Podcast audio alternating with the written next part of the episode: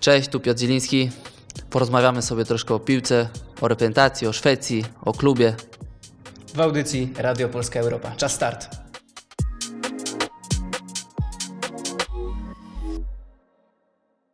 Okej, okay, Piotrek, rozmawiamy dwa dni przed meczem barażowym ze Szwecją, nieco ponad 48 godzin do tego spotkania. Masz takie poczucie, że to będzie jeden z najważniejszych meczów w Twojej reprezentacyjnej karierze?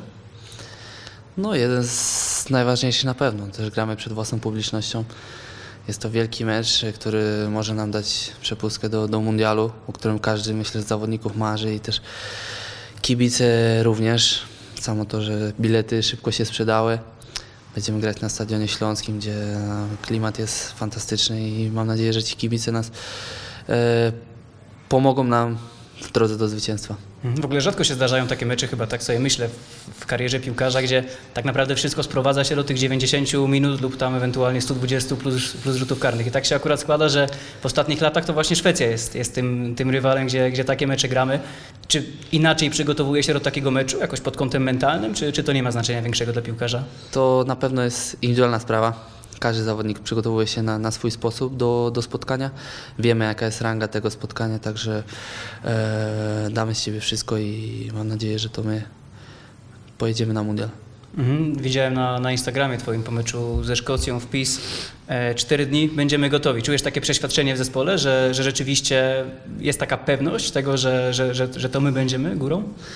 Tak, no od samego przyjazdu tutaj chłopacy byliśmy naładowani. Może ten mecz Szwecją tego nie pokazał, ale już ze Szwecją na pewno e, będzie to widać po nas, bo wiemy o co gramy. Chciałem porozmawiać troszkę o, o, o, miejscu na boisku, o tym jak Ty odbierasz swoją pozycję, bo sporo się też dyskutuje o tym, które miejsce jest dla Ciebie najlepsze, a nikt nie wie tego, do, tego tak dobrze jak Ty. Są te wszystkie piękne włoskie nazwy, regista, mezzala, trequartista, tak? lewoskrzydłowy, czasami w ustawieniu 4-3-3, 4-4-2. Trener Dorna, bo rozmawiałem dzisiaj rano właśnie z nim, mówi, że Ty jesteś takim zawodnikiem, który z takim bagażem doświadczeń ma na pewno dużą łatwość jednak w zmianie tego systemu i nie jest dla Ciebie problemem przystosowanie się do, do nowego ustawienia. Jest tak rzeczywiście?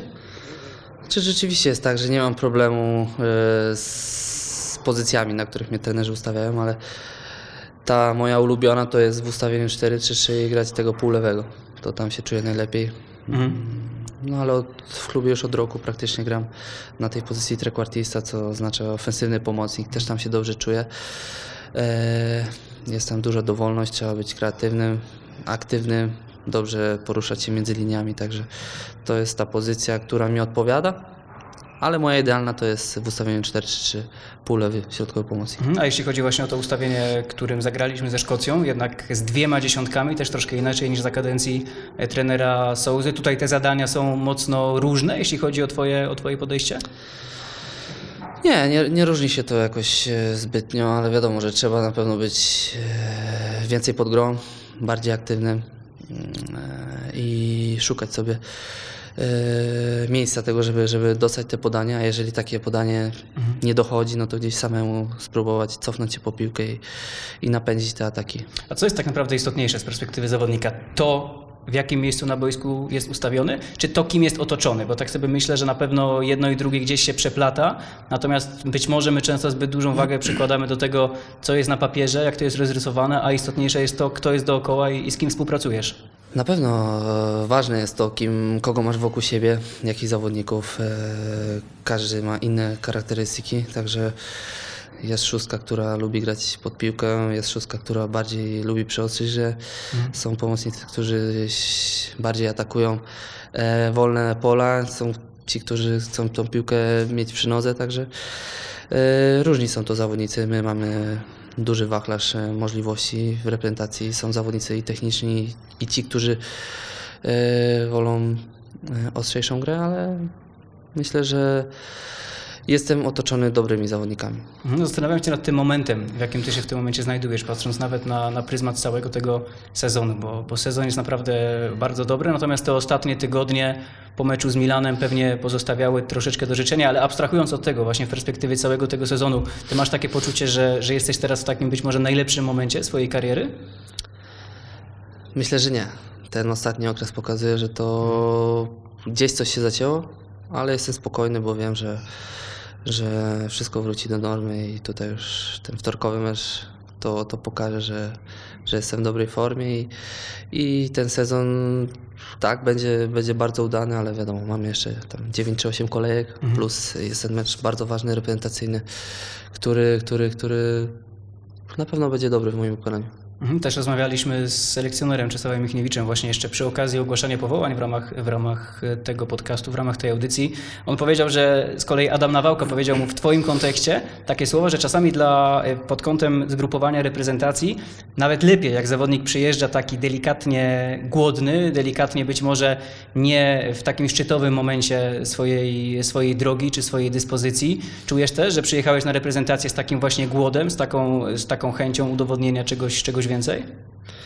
Czy czegoś więcej nie trzeba udowadniać? No, ja przyjechałem tutaj na pewno z chęcią pomóc y, drużynie w osiągnięciu celu i, i to, to będę starał się zrobić jak najlepiej.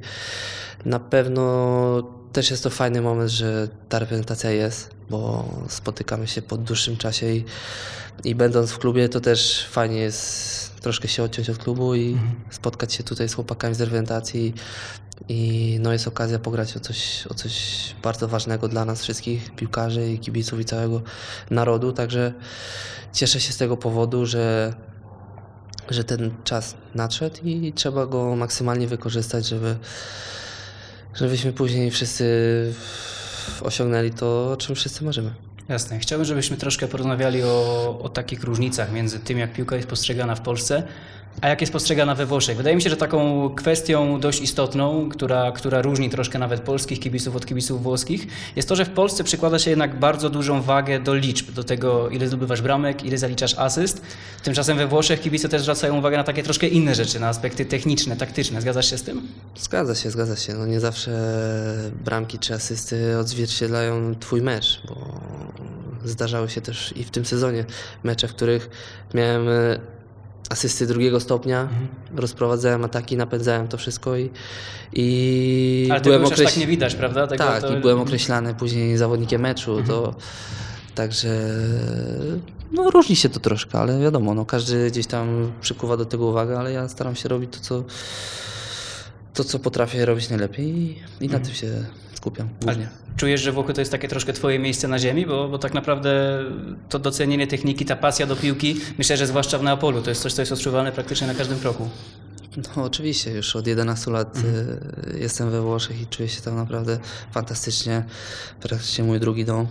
E, wiele tam przeżyłem, no, nauczyłem się też bardzo dużo i, i ta liga mi odpowiada. No, jest to też liga bardzo taktyczna, ale też techniczna i, i to jest pod moje, pod moje umiejętności idealnie, także e, świetnie się tam czuję i, i też klub, w którym grałem praktycznie e, trenerzy się zmieniają, ale styl gry pozostaje taki sam gdzieś. E, Prowadzenie tych piłek, utrzymywanie się przy piłce, stwarzanie sytuacji. To jest gra, która mi odpowiada. To skoro Włochy to drugi dom, to, to powiedz w takim razie, czy po meczu ze Szkocją najpierw spojrzałeś na wynik meczu Szwecja-Czechy, czy na wynik meczu Włochy-Macedonia Północna? Bo pewnie i to, i to cię mocno interesowało. E, tak, obydwa wyniki mnie mocno interesowały. Nie ukrywam, że już po zejściu na ławkę rezerwowych e, kolega przekazał mi telefon, sobie zobaczyłem wynik. To jeszcze przy 0-0 pewnie, tak? Bo to... Tak, tak, przy 0-0, no i samej końcówce szok był na ławce rezerwowych. Raz zrzeszyliśmy my bramkę, z czego się bardzo cieszyliśmy, ale też e, Włosi stracili na, na 1-0 i odpadli z walki o mundial. No, wielki cios dla, dla piłki włoskiej. Niestety drugi raz nie pojadą na mundial, ale, ale też nie można zapomnieć tego, co osiągnęli. No jasne. Rozmawiałeś z kimś w ogóle o tym, jeśli chodzi o, o kolegów zespołu, czy, czy, czy generalnie o włoskich, o tą stronę włoską, bo y, na boisku dwóch kolegów, tak? Lorenzo Ale to jak coś to z osobami niezwiązanymi z piłką, Okej. takimi moimi znajomymi. Jak to jest w ogóle odbierane? Bo to musi być dla nich rzeczywiście taka, taka tragedia kolejna. Tragedia, tragedia, naprawdę. To jest e, wielki smutek, wielki żal, no ale no niestety jest taka piłka. Taka jest piłka. e, nie zawsze wygrywa ten lepszy. Widzieliśmy, ile Włosi stworzyli sobie sytuację do strzelania bramek. Nie udało się strzelić tej jednej, która dawałaby im przejście do kolejnej rundy. No i tak to bywa, ale na pewno z chłopakami jeszcze, z tymi, którymi grałem, no jeszcze nie miałem okazji rozmawiać, bo wiem też w jakiej sytuacji się znajdowali. Wiem, że to jest nie najlepszy moment na rozmowę. Fajny wynik osiągnęli, ale no niestety nie udało im się na mundial pojechać. Teraz każdy z nich musi się skupić na, na własnym klubie, żeby, żeby dobrze dokończyć sezon. Ale w ogóle tak patrząc troszkę szerzej, można powiedzieć, że jeśli chodzi o włoską piłkę, to te ostatnie tygodnie, miesiące nie są dobre, bo czy to ta kwestia e, odpadnięcia reprezentacji Włoch, już początkowo w ogóle e, dostania się tylko i wyłącznie do tej barażowej rywalizacji, później porażki z Macedonią Północną, czy nawet ta piłka klubowa, tak? No Juventus odpadł z Villarrealem, przecież też e, Napoli, Lazio w 1-16 finału Ligi Europy, Inter przegrał z Liverpoolem, Milan, Atalanta odpadł w fazie grupowej Ligi Mistrzów. Z czego to twoim zdaniem wynika? Czy to jest troszkę tak, że za dużo być może e, mówi się już stricte o Serie A, o lidze, za dużą wagę do tego się przykłada, a jednak te europejskie puchary są delikatnie na drugim planie? Czy to w ogóle możliwe, że, że na drugim planie jest Liga Mistrzów? Nie, no absolutnie. No, Liga Mistrzów nie może być na drugim planie. Tutaj myślę, że każda drużyna, która dostanie się do tych rozgrywek, no to, to daje z siebie maksa i tutaj też uważam, że po Interze było widać, że mimo tego, że przegrali 2-0 u siebie w domu, pojechali do Liverpoolu i wystawili najmocniejszy skład i dalej walcząc o to, żeby udało im się przejść. e, Wygrali, ale niestety zabrakło troszkę, żeby przeszli grupę. No, a kolejne drużyny, no tutaj trzeba też zobaczyć, no w przypadku naszym, no trzeba było uznać klasę rywala. No tak. Barcelona to po okienku zimowym naprawdę zrobili fajne transfery i to jest już ta Barcelona, która będzie się tylko, będzie szła w górę. No co też było widać po El Clasico. Tak, zgadza się i mają świetnego trenera, mają super piłkarzy technicznych, chcących grać w piłkę, no, nie bojących się brać e, ciężaru gry na, na swoje barki w każdej strefie boiska, także tutaj kwestia roku, dwóch lat i Barcelona będzie tak samo wielka jak przed laty. Jest też taki rozstrzał, troszkę można powiedzieć, jeśli chodzi o te wyniki, a z drugiej strony o postrzeganie Włoch, włoskich trenerów jako troszkę takiego uniwersytetu piłkarskiego, bo ty pracowałeś z Maurizio Sarri, z Carlo Ancelottim, z Marco Giampaolo, z Gennaro Gattuso, czyli też troszkę jakby inna szkoła, jeśli chodzi o, o, o pracę z e, zawodnikami. Podejrzewam, że od każdego z nich wyciągnąłeś coś dla siebie i rzeczywiście to jest, jeśli chodzi o kwestie taktyczne, dla ciebie też ogromna lekcja. No, zgadza się, tutaj mówimy o trenerach e, bardzo dobrych, wybitnych, znajomość e, taktyczna na, na, na najwyższym poziomie u każdego trenera. Także no, tylko mogę się cieszyć, że miałem okazję pracować z tak, z tak wybitnymi trenerami e, o tak dużej wiedzy, którzy też pomogli mi w moim rozwoju dzięki temu jestem gdzie jestem i e, dalej gram na wysokim poziomie w bardzo dobrej lidze. Mhm, Też Mateusz Święcicki, który na kalciu się zna jak mało kto w Polsce, przypomniał mi taką historię z 2015 roku, kiedy grałeś jeszcze w Empoli i kiedy y, zimą sprowadzony został do klubu Ricardo Saponara. Pamiętasz ten moment? Bo, Tak, bo, tak. Bo, bo to był taki moment, gdzie delikatnie sugerowano ci, że, że możesz już tam wiele nie pograć, możesz tam miejsca nie zagrzać i wtedy Mauricio Sarri też odegrał sporą rolę. No, była taka sytuacja, że Ricardo przyszedł bodajże z Milanu, jak się nie mylę. E, Był już wcześniej zawodnikiem Empoli, fantastyczną robotę tam zrobił po jego przyjściu no, praktycznie z miejsca dostał skład, tak? miejsce w pierwszej jedenastej i z czym nie czułem się jakoś komfortowo, bo, bo na początku no, Ricardo nie był w najwyższej formie, ale z meczu na mecz wyglądało to coraz lepiej i jest naprawdę świetnym piłkarzem, też technika na najwyższym poziomie, bardzo cenię sobie tego zawodnika.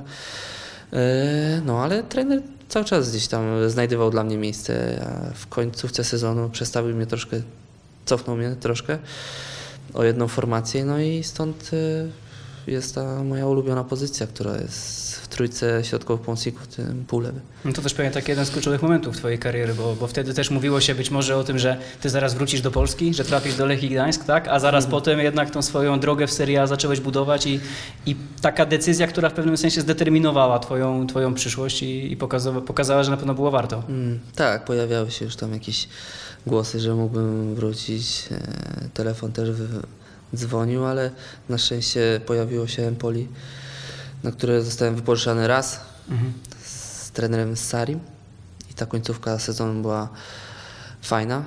Po czym Empoli zdecydowało się na przedłużenie, no i wypożyczenia o kolejny rok i przyszedł Gianpaolo, który postawił na mnie w 100% i był to świetny sezon w moim wykonaniu e, na pozycji, którą lubię i jest moją najlepszą, w której czuję się najlepiej, także no i potem się pojawiły też oferty no, z wielkich klubów i, i tylko było trzeba wybrać ten właściwy klub.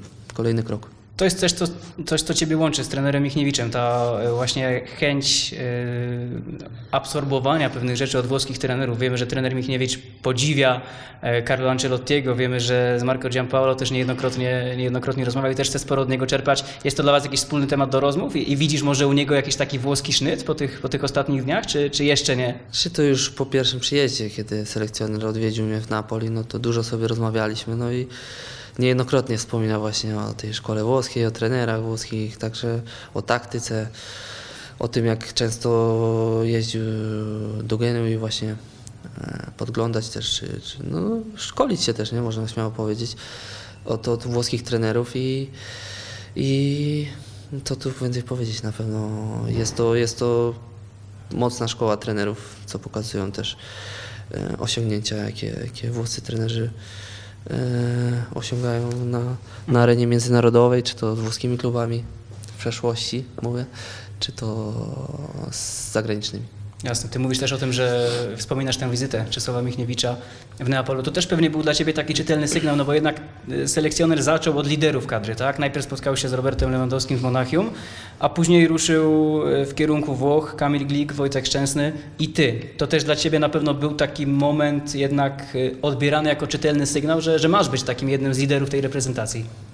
Tak, fajnie, cieszę się z tego, bo gdzieś szczebel po szczebelku robi się te, te, tą swoją pozycję się buduje. No i cieszę się, że jestem w takim momencie, gdzie jestem ważną postacią w klubie i reprezentacji, także trzeba to cały czas potwierdzać w meczach i na pewno fajnie, że selekcjoner gdzieś wysoko ceni tutaj moje umiejętności, ale wiemy, że każdy z osobna jest ważny dla tej reprezentacji. Chłopacy z, z innych y, krajów, którzy, którzy, którzy reprezentują naszą, naszą Polskę w klubach zagranicznych też, też są ważni i, tak samo dostali jasny sygnał od selekcjonera, który, który ich odwiedzał. No to na pewno też czuję, że ta twoja rola, ta twoja pozycja jednak ewoluuje w ostatnich latach. Tak naprawdę z roku na rok jest, jest coraz, coraz lepsza, coraz poważniejsza. Natomiast zastanawiam się nad, e, nad liczbami. E, 67 występów, 7 goli, 13 asyst.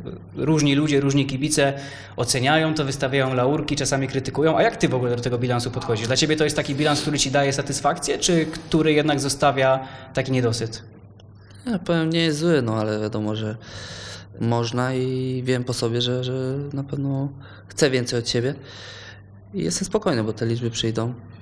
Było też kilka meczów, gdzie były poprzeczki, były strzały, gdzie, gdzie bramkarze dobrze bronili.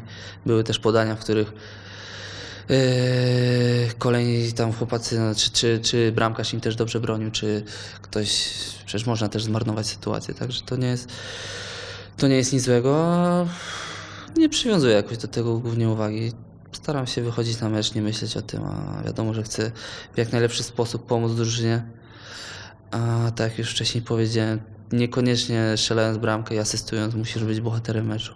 Możesz też mieć dwa kluczowe podania, które napędzą tą akcję i, i w wielu meczach też tak było. A pamiętasz swoją pierwszą bramkę zdobytą z orzełkiem na piersi? I nawet nie mam tutaj na myśli tej pierwszej reprezentacji, ale, ale te najmłodsze szczeble juniorskie. Jesteś w stanie to otworzyć, czy niekoniecznie? Yy, ciężko mi powiedzieć. Nie wiem, czy to nie była Szwajcaria. Tak, dokładnie. Maj 2009, Szwajcaria i, i nawet, nawet właśnie trener Dorna e, odkopał gdzieś tę bramkę. Zobaczymy, No, czy zobaczymy. kojarzysz, jak to, jak to wyglądało w tej akcji? Tu byłeś faulowany, To ja? tak? To się zaczęło od ciebie w ogóle. No, prawie się przerzuciłem jeszcze w pierwszą piłkę. No widać, że fizycznie troszkę, troszkę No. jednak tutaj były rezerwy. To też No. wspominał trener Dorna o, mm, o meczu z Niemcami z kolei, który był chwilę później i o tym, jak szedłeś na końcówkę i, i tam Emre Can. E, Tak, Generalnie fajnie to wyglądało w zestawieniu, tak? Gdzie ty No. bardzo, bardzo drobny chłopak, a z drugiej strony Emre Can, który z tego, co trener Dorna mówi i pewnie też potwierdzisz, już wtedy wyglądał tak, jak wygląda teraz niemalże. Brylował, brylował. Brał piłkę z obrony i mógł jechać do, do ataku i strzelać albo asystować. Nic nie buduje tak jak gole, tak jak właśnie y, liczby w reprezentacji, bo to jednak jest coś, co zawsze sprawia, że człowiek trafia na, na okładki gazet, że, że kibice chwalą, że kibice się rozpływają i myślę sobie, że na pewno sporo było w Twojej e, karierze piłkarskiej takich goli, które zostają na dłużej. Taki ostatni to być może ten na Camp Nou, tak? Z Barceloną. Jakie to było uczucie? O, coś wspaniałego, szczerze powiem. O, e, nie byłem od dziecka kibicem Barcelony, ale na trybunach był mój najstarszy brat, który e, od zawsze jest e, kibicem klubu z Katalonii, no i to było coś naprawdę fantastycznego.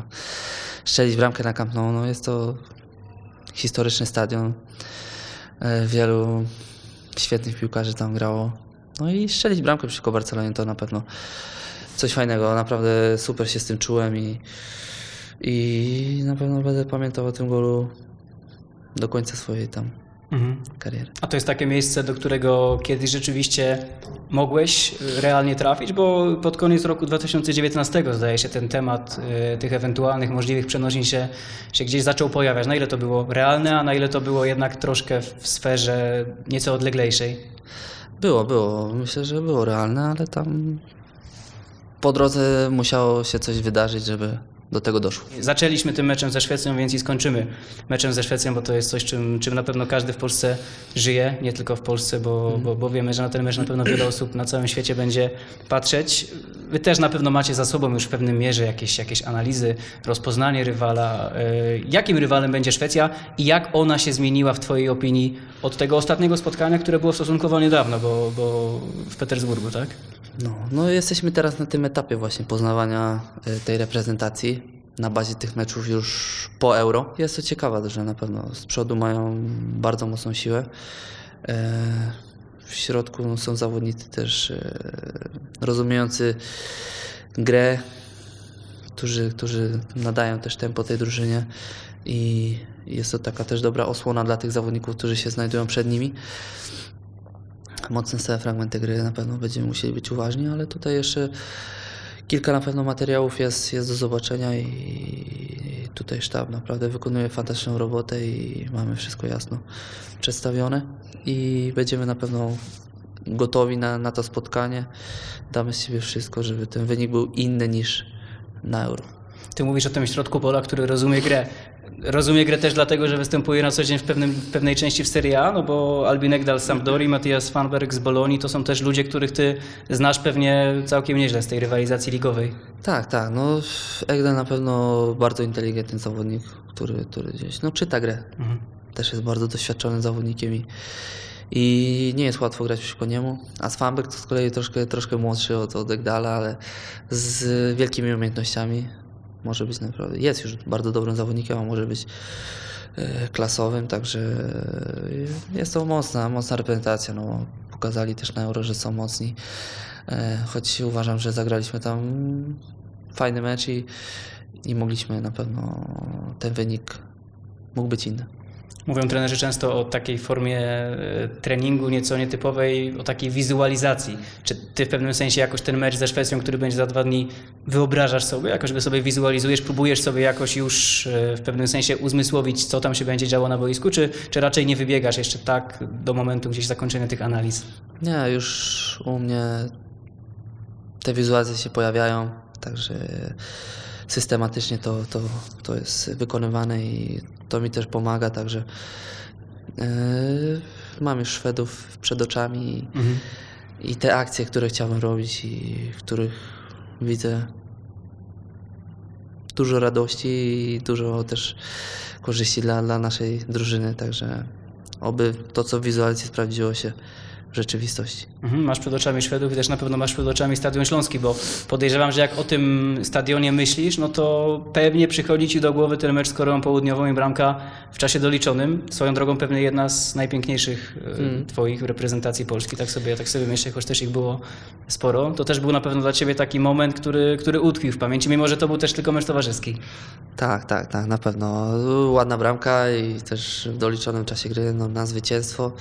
Mimo wszystko, że to był sparring, to, to na pewno cieszy. No i nic, trzeba tylko powtórzyć to, nie? Teraz w meczu, Tylko może troszkę wcześniej. no może troszkę wcześniej, tak. No chyba, że- tak, tak. lepiej by było wcześniej albo w doliczonym już na dobitkę tam. już będzie, tak? Ewentualnie na... Odciąć prąd. Dokładnie. Czyli co, plan jest taki, żeby wrócić do Neapolu z podwójnie podniesioną głową, bo po pierwsze z awansem na mundial, a po drugie z taką satysfakcją, że, że niektórym się to nie udało. Tak? Wiadomo, że na pewno, na pewno atmosfera ogólnie we Włoszech nie będzie pozytywna i, i pewnie tym bardziej smakowałoby jednak wrócenie tam w takiej glorii człowieka, który jednak awansował na ten mundial. Dokładnie. Już y, bardzo dużo wiadomości dostałem właśnie od znajomych Włochów, że teraz to mi będą kibicować, w sensie reprezentacji Polski, że trzymają kciuki za to, żebyśmy ograli Szwedów i, i to my po, polecieli do Kataru i, i żeby tak się stało. No, zrobimy wszystko na pewno. Tutaj drużyna jest, jest gotowa na to i wiemy o co gramy, że to są marzenia nie tylko nasze, całej, całego narodu, także trzeba zostawić serce, wszystko trzeba zostawić na tym boisku, żeby, żeby ten, ten awans wywalczyć. To z takim wsparciem i z takim podejściem musi być dobrze. Piotr Zieliński był gościem audycji Radio Polska Europa. Dzięki serdecznie. Dziękuję bardzo.